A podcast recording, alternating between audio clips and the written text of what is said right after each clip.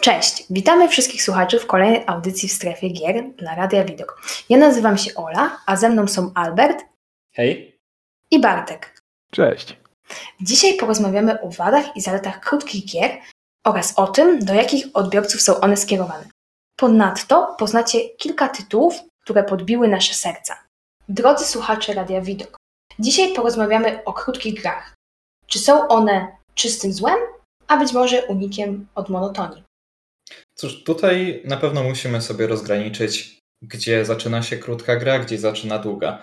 E, czy według Was istnieją takie kryteria, e, według których moglibyśmy to zmierzyć? Bo wątpię, aby to było jedynie mierzalne poprzez e, jakąś granicę, że 15 godzin to gra krótka, 16 już długa. Jest to na pewno zależne od gatunku gry. Bo jeżeli jest to gra stricte fabularna, w której liczy się tylko fabuła, jest to czasem jakiś kliker, czy po prostu używa się znikomej ilości klawiszy. Jest to sw swego rodzaju historia, która się trochę pisze na naszych oczach. Niektórzy nazywają taką grę filmową, ni to gra, ni to film. Ważne są wybory i decyzje. Historia taka może być co prawda rozciągnięta w czasie nawet do 100 godzin, ale z reguły nie przekracza to kilkudziesięciu godzin, ponieważ wtedy gra byłaby nudna i nie skupiałaby aż tak bardzo uwagi odbiorcy. Ale jeżeli chodzi o gry, w których poza fabułą liczy się coś więcej, na przykład przetrwanie, czy jest dużo potyczek, jakichś batalii, jakieś strzelanki z fabułą, wtedy historia nie może być mm, zbyt długa, ale nie może być zbyt krótka. Musi być idealnie zbalansowana z czasem robienia na przykład misji. Dlatego ciężko jest ocenić, czy na przykład 15 godzin w grze fabularnej można nazwać krótką, a w grze fabularnej, która jest też strzelanką lub ma jakieś misje, czy 15 godzin to jest za mało na taką grę, bo jak połączyć tam ten element opowiadanej historii, cutscenek, z frajdą, zabawą, rozgrywką i robieniem różnych misji. No to tutaj możemy zauważyć, że dużo wynika z gatunku gry albo samego jej charakteru, bo raczej nie wyobrażamy sobie liniowej strzelanki rozciągniętej na 30 godzin. Raz, że byłoby to niesamowite wyzwanie dla wielu twórców, a dwa, prawdopodobnie mogłoby naprawdę wiele osób znudzić. I to sam charakter gry wpływa na to, ile gracz powinien jej poświęcić, tak by czerpał z niej maksymalną frajdę. Oczywiście to zależy od samego gracza, ale umówmy się, twórcy raczej starają się, by pasować się do jak największego grona odbiorców, tak? Tylko przy tym doborze twórcy muszą wziąć pod uwagę kilka rzeczy. Jednym aspektem jest na przykład trudność jakichś zadań, jakichś misji, eksploracja, ponieważ e, każdy gracz przeznacza na to indywidualną część czasu. Bardziej bystry rozwiąże jakąś zagadkę, czy zrobi jakąś misję w godzinę. Innemu zajmie to 10 godzin i będzie przeklinał cały świat. Tak samo trzeba wziąć pod uwagę czynnik taki jak przechodzenie gier na 100%, ponieważ zapalony fan jakiegoś tytułu czy jakiejś serii będzie chciał poznać każdy aspekt gry, więc zajmie mu to znacznie dłużej. Będzie chciał znajdować jakieś znajdźki, robić misje poboczne i poznać po prostu grę w 100%. A zwykły gracz, który nie lubi takich nudnych, dodatkowych, pobocznych zadań, będzie się skupiał stricte na tym, żeby przejść fabułę, jakąś kampanię w grze, mm, zaangażować się trochę w historię i dobrze się bawić, bez robienia żmudnych i nudnych zadań. Więc wtedy gra dla takiego zapalonego fana będzie znacznie dłuższa.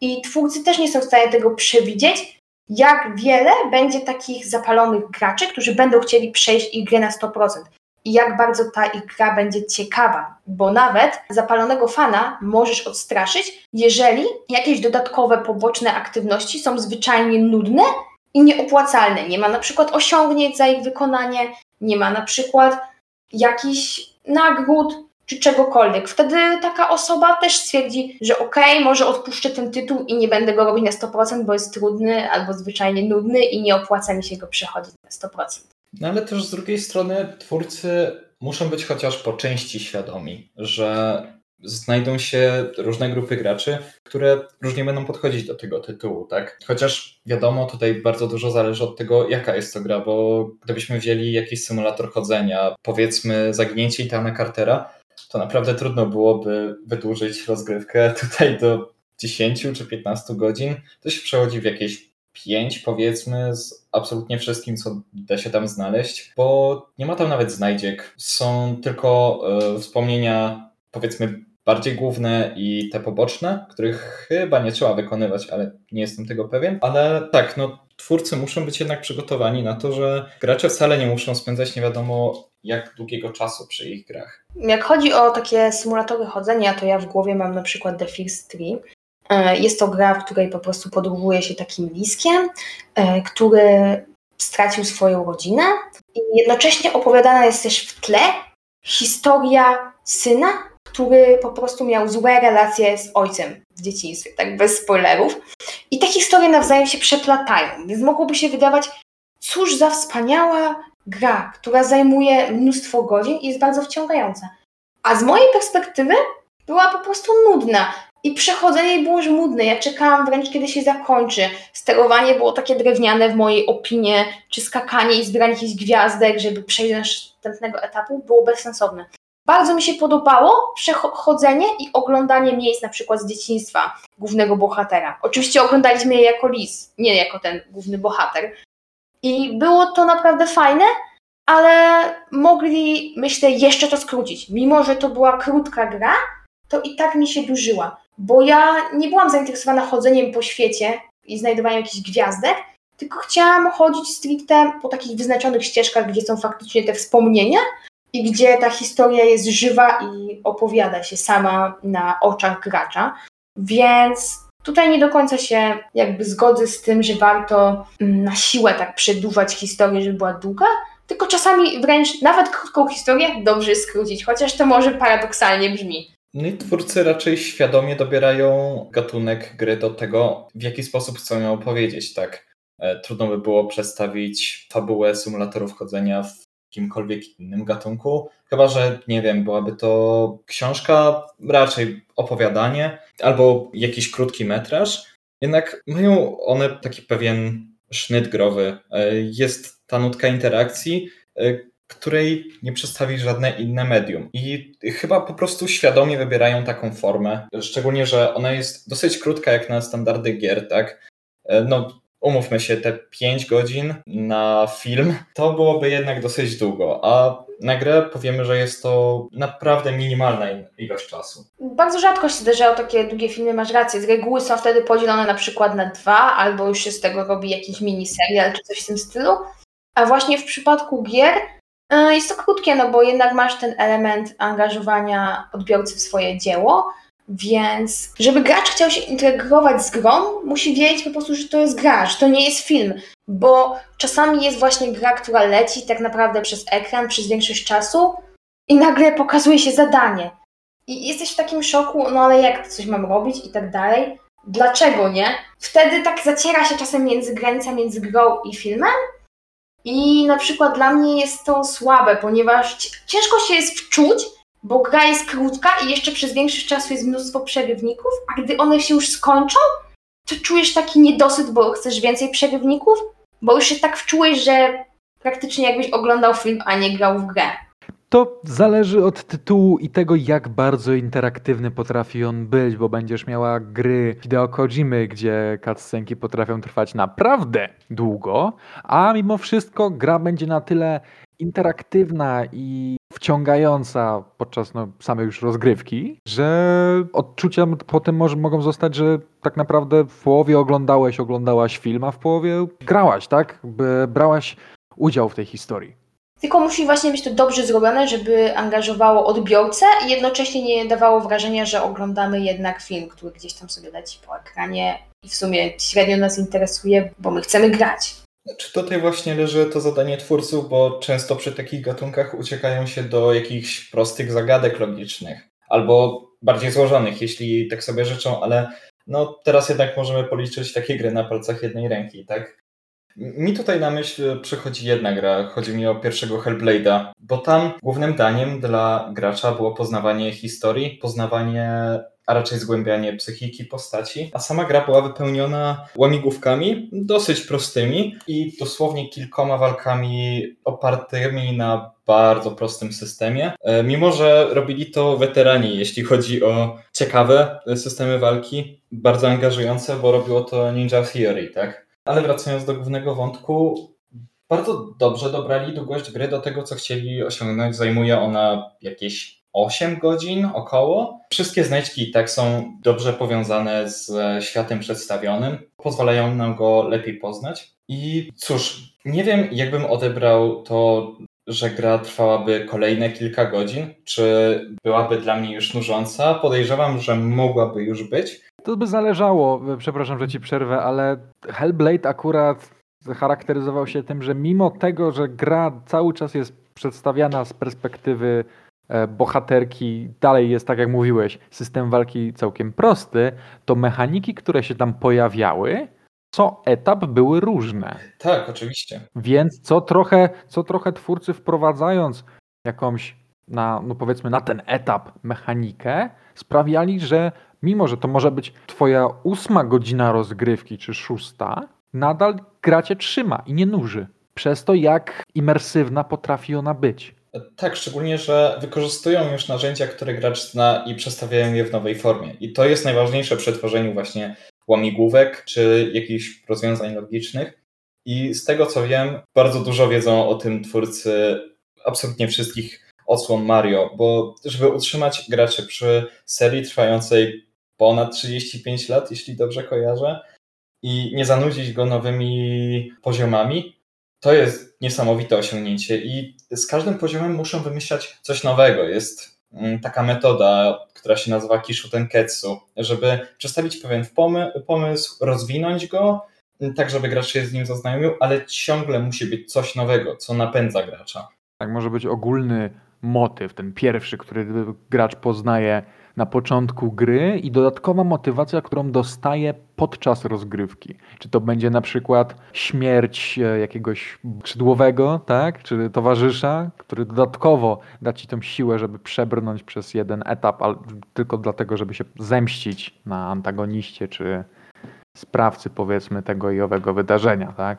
Właśnie tutaj poruszyłeś ciekawy wątek, bo fabuła właśnie też może stanowić dla nas motywację do tego, by brnąć dalej, tak? Nie musi być to szczególnie nowa mechanika, bo kiedy gracz jest pod wpływem emocji, trudno, żeby twórcy zaczęli go uczyć e, nowej rzeczy. Wtedy wykorzystuje, wykorzystuje coś, co już zna, co ma zapisane w swojej pamięci tak naprawdę i bez większego wysiłku brnie dalej. Co do gier, których liczy się poniekąd ilość godzin, przychodzi mi do głowy Superhot.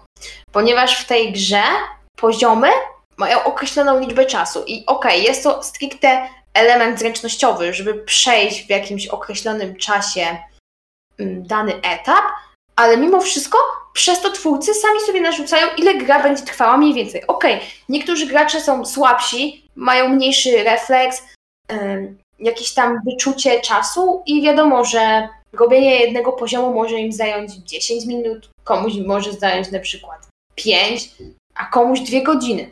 Ale mimo wszystko twórcy, tworząc tą produkcję, są świadomi, ile mniej więcej gracze spędzą w niej czasu, więc na przykład ubogacili ją o dodatkowe tryby, w których na przykład można robić różne challenge i wyzwania.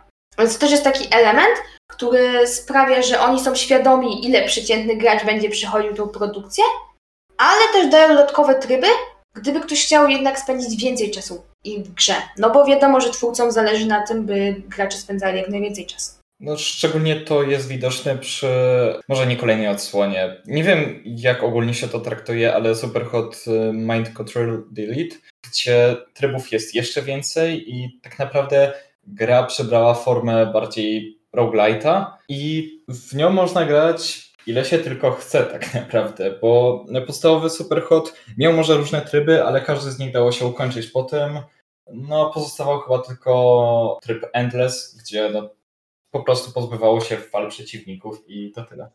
No to już jest właśnie bardziej takie dla osoby, która chce jakby pobijać stale swój wynik, ile zabije wrogów w danym czasie i tak dalej. Ale właśnie co do tej nowej odsłony, ona ogółem była dosyć kontrowersyjna i zmieniła sporo oblicze tej gry, dlatego właśnie Myślę, że faktycznie masz rację, że zmieniła też trochę może gatunek tej gry i na pewno czas rozgrywki w tej drugiej grze będzie znacznie dłuższy. I właściwie tu twórcy wykorzystali ciekawy zabieg, bo nie określili, ile gracz mógłby spędzić przy tym czasu. Były powiedzmy poboczne poziomy, których gracz wcale nie musiał wykonywać, aby ukończyć rozgrywkę, tak? I przez ten zabieg dają graczowi tyle czasu, ile tylko chce. Szczególnie, że tam był jeden specjalny poziom, gdzie chyba nie dało się go ukończyć w taki klasyczny sposób. Więc w taki sposób gracze nie, nie szczególnie musieli powtarzać poziomy, aby wydłużyć sobie czas gry, bo bardzo dobrze się w niej bawili, a zrobić to tak, by ciągle mieli coś może nie nowego, ale coś znajomego i e, coś zaplanowanego w szczególności. Ale nie oszukujmy się, akurat Super Hot to jest świetny tytuł do robienia speedrunów. Tak, i widać, że to było. Ta gra była stworzona z myślą o tym, że na pewno ktoś będzie tak robił. Ta gra jest stworzona z myślą, że Chcesz, żeby była krótka? To będzie. A chcesz, żeby była długa? No to będzie. I to jest fajne, że twórcy zostawiają ci opcje, a nie narzucają też coś z góry, ile po prostu musisz grać. Bo nieraz fabuła jest wydłużona sztucznie i ty się męczysz, ale jesteś ciekawy zakończenia, więc grasz. A tutaj twórcy fabułę bardzo prosto zarysowali, bardzo szybko ją pokazali. Mi na przykład jakoś ta gra zajęła 20 godzin około, ale plus robiłam sobie dodatkowe tryby tak z ciekawości, dla zabawy, więc myślę, że w 15 godzin skończyłam całą fabułę. I jest to właśnie dużo lepsze niż takie sztuczne przedłużanie i na siłę mm, robienie z tego jakiejś wielkiej gry z nie wiadomo jaką fabułą, tylko po prostu prosta strzelanka z jakimś tam zarysem fabularnym, w której możesz spędzić więcej godzin, ale nie jest to przymus, żeby poznać zakończenie. Rozumiem. I tutaj, skoro twórcy bardzo rozszerzyli jakby grupę docelową, to możemy zadać sobie pytanie, jaki jest target, w jaki twórcy celują. No i w sumie tutaj nasuwa się pytanie, do kogo takie gry są skierowane? Do jakiego typu odbiorców one trafiają i są najczęściej kupowane przez jakich graczy? No tutaj ponownie e, to wszystko zależy od gatunku, bo kiedy wybierze się już gatunek do swojej gry, to mniej więcej zna się grupę docelową. Oczywiście gra może stać się hitem, i zabierze o wiele większą grupę niż twórcy się spodziewali, ale jednak większość przypadków wskazuje na to, że twórcy raczej znają swoją grupę odbiorczą i to właśnie pod nią dostosowują długość gry. Trudno będzie powiedzieć, jak wygląda taka grupa. Mogą być to osoby z pracą, które chcą jakiejś krótkiej, ale dosyć intensywnej rozgrywki, żeby poznać fabułę, e, żeby zaznajomić się z jakąś nieskomplikowaną mechaniką, i w te kilka godzin, które mają dziennie wolnego czasu i poświęcają je na grę, przeżyć coś ciekawego. No to jest taki klasyczny przykład takiego niedzielnego gracza. Z reguły to jest osoba, która ma jakąś pracę, czasem jakąś rodzinę, mnóstwo obowiązków oraz inne hobby poza graniem, więc po prostu ma tą przysłowiową jedną niedzielę, te 24 godziny dla siebie, by móc być dzieckiem i pograć sobie w gry, uciec trochę od obowiązków. No i siada do komputera i myśli, no ale w co zagrać? Tutaj kampania zajmuje 100 godzin. Tutaj jest tyle misji. Tutaj samo wczytywanie zajmuje 15 minut. I wtedy właśnie mm, taka osoba wpisuje w Google krótkie, fajne gry. I coś tam znajduje i gra. I jest to taki stereotyp, że ta osoba nie potrzebuje długich produkcji, bo nie ma zwyczajnie na nie, na nie czasu. A przychodzenie na przykład chociażby takich gier jak Wiedźmin, którego ogranie zajmuje zdecydowanie więcej czasu, jest na pewno przyjemne dla osoby, która gra chociażby te przysłowiowe niedziele, ale wybija z rytmu, ponieważ grając co tydzień możesz zapomnieć jakieś ważne elementy z fabuły, czy po prostu zapomnieć, co się działo i to jest taka gra z doskoku i można nie czerpać do końca przyjemności i satysfakcji z tego typu rozgrywki. Dlatego niektóre osoby lubią przysiąść tak na raz, że coś jak do filmu, że okej, okay, teraz mam czas, siadam, odpalam grę, Wiem, że ona mi zajmie 6-7 godzin i mam na to ten dzisiejszy dzień. Przejdę ją, mam też, tak powiem, to z głowy. Nie muszę się martwić, że zajmie mi gdzieś tam jakoś znacznie dłużej. I też nie wybijam się z rytmu, spędzam miło dzień, jest to wszystko robione ciągiem. Więc na pewno niedzielni gracze zaliczają się do osób, które kupują i wspierają tego typu produkcje. Ale też nie do końca, bo jednak e, kolosy typu Battlefield czy Call of Duty właśnie na, myślę, że swoją ekonomię i swój żywot opierają właśnie na takich graczach, które potrzebują tej krótkiej dawki rozrywki w postaci szybkich meczy. Krótka sesja adrenaliny. To się zgadza. Jak w Counter Strike'u też chociażby mamy, teraz dodali krótkie mecze, w których właśnie można grać tam chyba do dziewięciu bodajże rund, nie pamiętam. I to też jest taka opcja, która ułatwia takim niedzielnym graczom czerpanie właśnie większej satysfakcji z gry. No bo nie muszą już czekać na ten półtorej godziny matchmaking i mogą znacznie krócej po prostu dobrze się bawić i wykorzystać też inaczej czas na inne gry czy na właśnie inne aktywności. Więc takie gry, które oferują tryb szybkich rozgrywek, z reguły są to jakieś battle royale czy jakieś strzelanki, też na pewno trafiają do targetu takich graczy, ale myślę, że krótkie gry jednak często też królują. Krótkie gry mogą nie mieć takiej siły przebicia do, do takiego niedzielnego gracza przez samo to, że niedzielny gracz nie będzie chciał zagłębiać się zazwyczaj e, w ocean in, e, gier indie, żeby znaleźć tą krótką jedną grę, tylko powiedzmy odpali coś, o co słyszał, czy wie, że dobrze się gra. To będzie właśnie Battlefield, Call of Duty, może seria Destiny, w której tak, wiadomo, trzeba poświęcić masę godzin, żeby mieć dobrej jakości sprzęt, tak, wysokopoziomowy inwentarz, ale nadal są tryby, tryby PV, PvP, które również pozwalają na rozwój gracza. Gry typu, tak jak powiedziałaś, te Battle Royale, no to powiedzmy Escape from Tarkov. Tyle, że jest bardziej wymagająca gra i uważana za trudną. Okej, okay, Tarkov, Tarkov już może być tak, pewnym ekstremum, ale gry typu Battlefield od EA czy COD od Activision, to myślę, że są przodownicy w wyborze tych właśnie niedzielnych graczy. Czasem jeszcze trafiają tam, tam Fortnite, Apex Legends. Tak, tak, tak. Tak jak mówiłaś, Battle Royale też, myślę, bo to jednak są te krótkie rozgrywki, tak? Ewentualnie też gry typu League of Legends czy Counter Strike, w których właśnie jest możliwość tych krótkich meczy lub krótszych trybów, gdy ktoś nie ma zbyt wiele czasu. Tutaj poruszyliśmy temat y, gier, które mają tryb multiplayer, tak?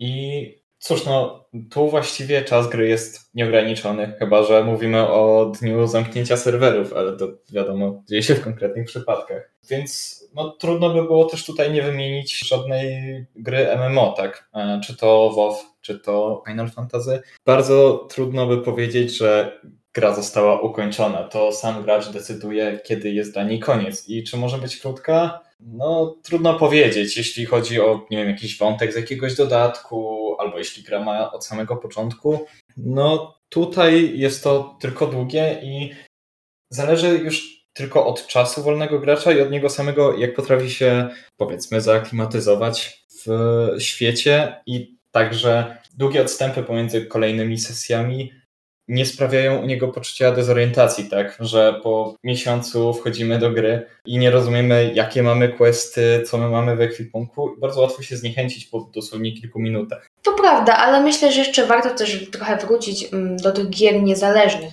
myślę, że takie krótkie produkcje często trafiają po prostu do fanów gier indie, który, którzy lubią po prostu takie słodkie, czasami nieangażujące, głupiutkie gierki lub czasami jakieś wyciskacze łez, ponieważ traktują tą rozgrywkę trochę jak oglądanie filmu. Że lubią tego typu gry, więc na pewno spora część odbiorców krótkich gier to są właśnie fani gier niezależnych, fani gier typu film, typu fabularna, stricte. Tu właśnie szczególnie chodzi o to zintensyfikowane doświadczenie, bo takie dostarczają nam horrory. Tak naprawdę chyba nie znam horroru, który by trwał powiedzmy jakieś 20 godzin.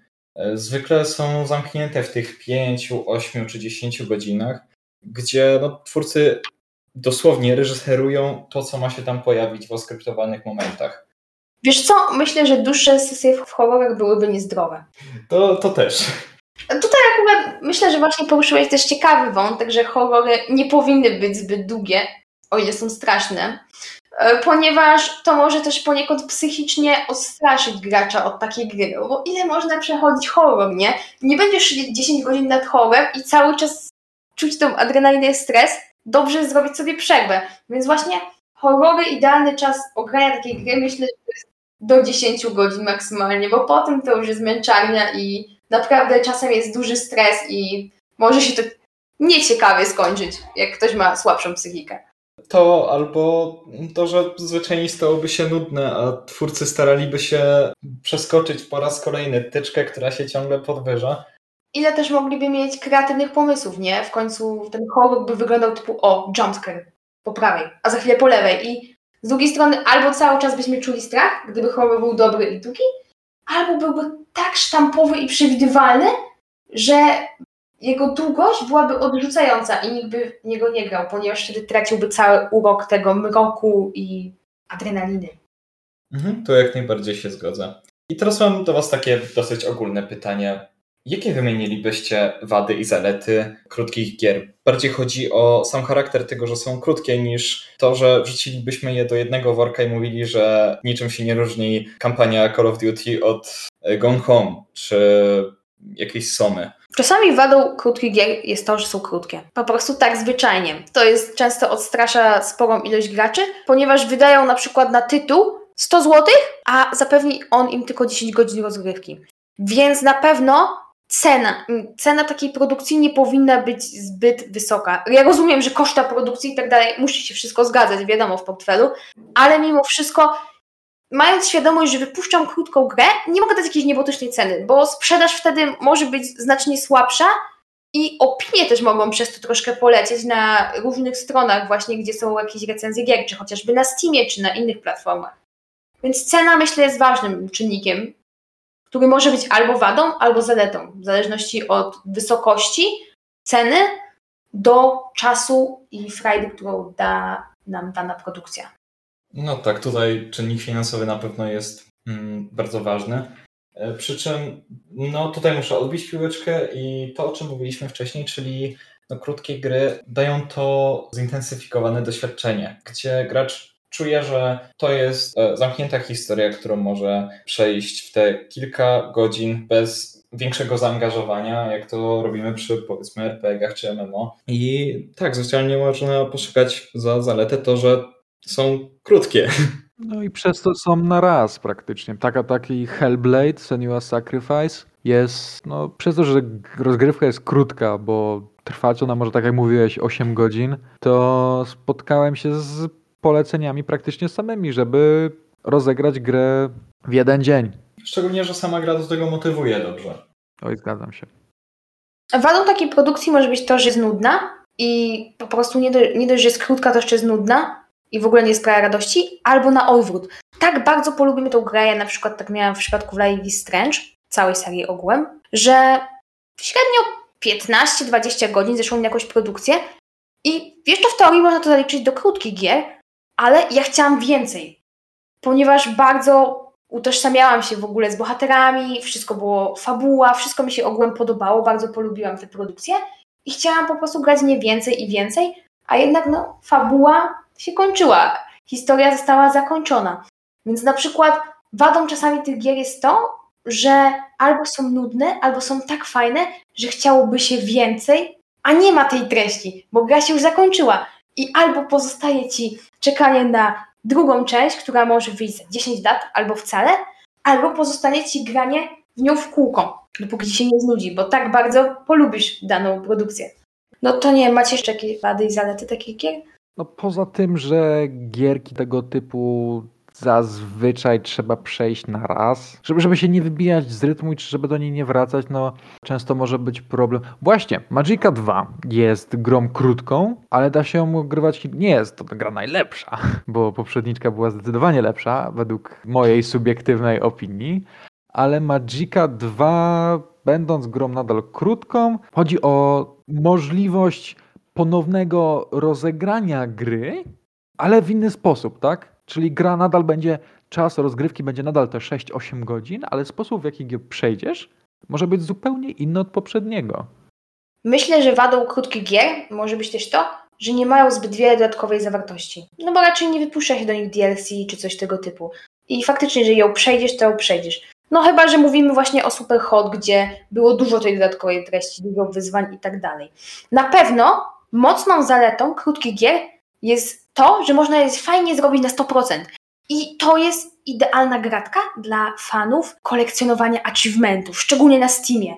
gdzie masz całą gablotę dumnie przyklejoną na Twoim profilu z napisem ukończono na przykład 50 gier na 100%.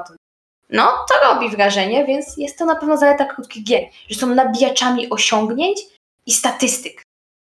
Hmm, dla pewnej grupy graczy to na pewno jest bardzo ważne, e, szczególnie dla tych, którzy celują tylko w to. I cóż, jest to nieliczna grupa, ale jest, która na celu ma tylko i wyłącznie achievementy. Trudno u nich szukać jakiegoś zapalenia względem fabuły, bo starają się wszystko robić jak najszybciej, by tylko zdobyć kolejne achievementy.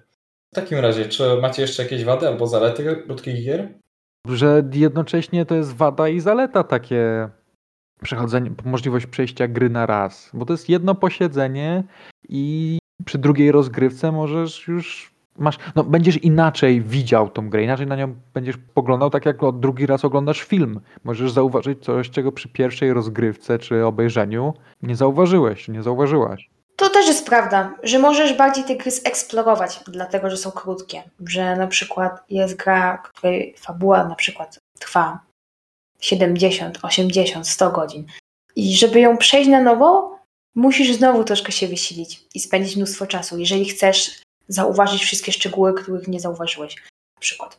A jeśli mamy do czynienia z krótką grą, to w sumie przejdziesz ją w 5 godzin i za chwilę znowu możesz ją ograć jeszcze raz. I zajmie ci to 10 godzin, a ty na przykład masz dwie różne perspektywy na zakończenie, bo czasami są na przykład w takich produkcjach dwa warianty fabularne.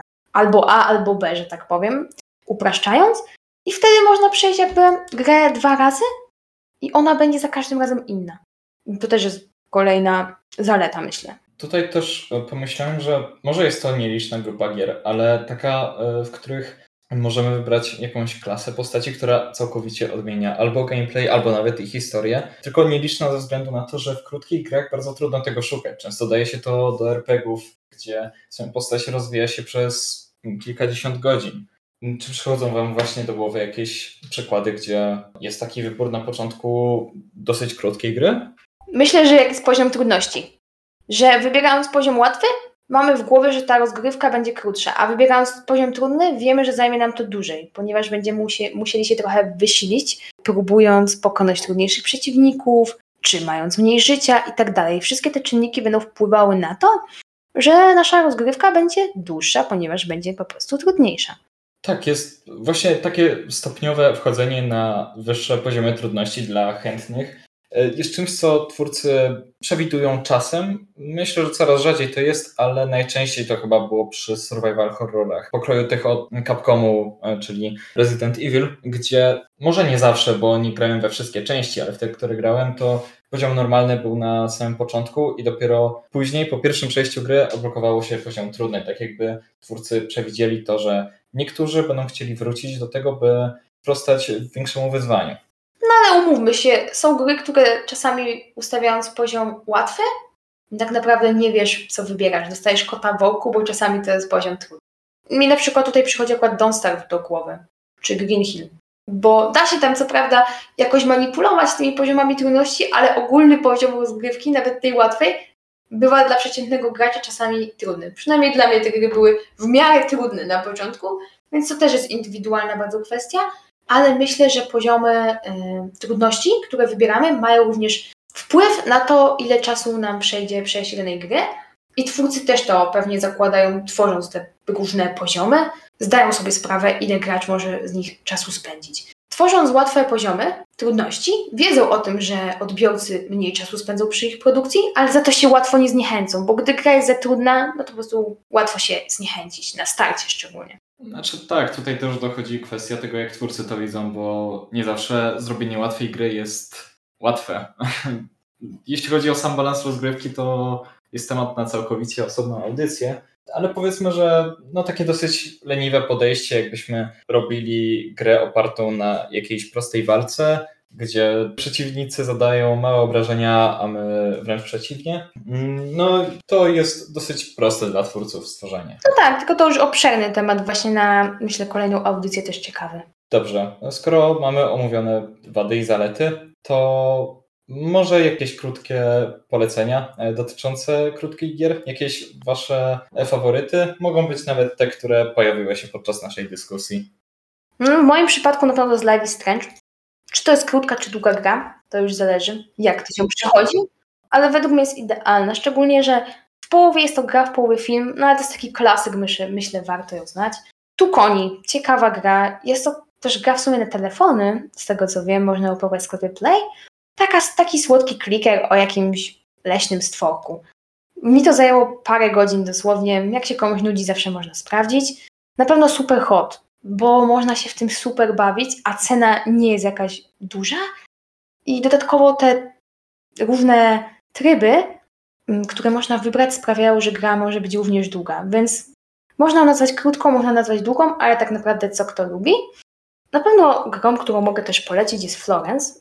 Przejście jej zajęło mi niecałe dwie godziny. Jest to taka urocza, poruszająca historyjka o miłości. Są tam jakieś puzzle, jakieś mm, przesuwanie elementów, czy szukanie gdzieś po rozrzuconych po domku. Coś w stylu po prostu klikera w sumie. Ale historia jest mm, prosta i urocza i myślę, że może się spodobać właśnie mm, fanom gier tego typu, gdzie właśnie historia gra główną rolę. I to chyba będzie tyle z moich poleceń. Bo reszta gier już myślę jest zbyt długa, by można je zaliczyć do tej kategorii. Ewentualnie jeszcze Firewatch. Super historia. Jest to trochę symulator chodzenia, ale dialogi, historia i ogółem cała grafika bardzo piękną tworzy całość, taką spójną, więc też gorąco polecam ten tytuł. No to ja mogę polecić serię Gier Magica, bo pierwsza część jest trwa 10 godzin, a, a druga już 6 tylko. Jest to prosta gierka z przyjemną mechaniką łączenia żywiołów w sposób magiczny i pokonywania przeciwników z jakąś tam fabułą, która jest całkiem przyjemna. Jest, jest to trochę hack and slash, trochę izometryk. Pierwszą część gra się na no, bez podzielnego ekranu, to jest gra dla nawet czterech graczy, więc polecam ją przejść też ze znajomymi. E, no i Hellblade, Senua's Sacrifice, czyli jednorazowy, ośmiogodzinny pseudo-film o dosyć ciekawej historii i fabule. Cóż, przedstawiliście no, tytuły, które no, bardzo są warte polecenia, więc od siebie dam tylko jeden, który specjalnie chciałbym wyróżnić, a nie szczególnie zdobył sławę przez te kilka lat. Nazywa się What Remains of Edith Finch. Ze dwa lata temu bodajże e, był dostępny w Epic Games Store za darmo. Przechodzi się go w jakieś dwie godziny, może trzy. I tak, to jest kolejny symulator chodzenia, gdzie poznaje się historię mm, bohaterki, a raczej e, jej rodziny. Ona wcale nie jest aż tam tak ważna, ona bardziej spaja E, całą tą historię ze sobą. Twórcy fantastycznie bawią się nowymi mechanikami albo przedstawianiem danej historii. Mogę zdradzić, że jedną historię przedstawia się za pomocą kadrów z komiksu. Wygląda to fantastycznie. A na tym się cała gra nie kończy, bo cóż, poza ciekawymi rozwiązaniami oferuje naprawdę świetną fabułę, gdzie no, czasem potrafi naprawdę poruszyć do łez. E, w takim razie Mm, czy chcecie coś dać do podsumowania? Myślę, że na pewno, nawiązując do tytułu w sumie naszej audycji, e, krótkie gry na pewno nie są czymś złym, ale nie po prostu nie są dla każdego.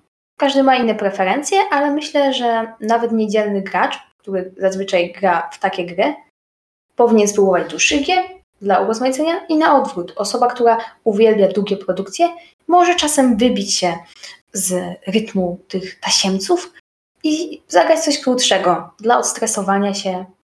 No to skoro też nawiązujemy do tytułu audycji, to warto skupić się też na tej części o monotonii, czyli no trudno tutaj, żebyśmy jej ulegli, bo te gry potrafią być na tyle krótkie, abyśmy nawet jej nie odczuli. Oczywiście to wszystko zależy od e, samych twórców. No i też warto powiedzieć o tym, że jest duży problem z definicją długich a krótkich gier. Jak mówiliśmy, to wszystko zależy od jej typu, od e, charakteru rozgrywki i każdy przypadek należy rozpatrywać indywidualnie, tak?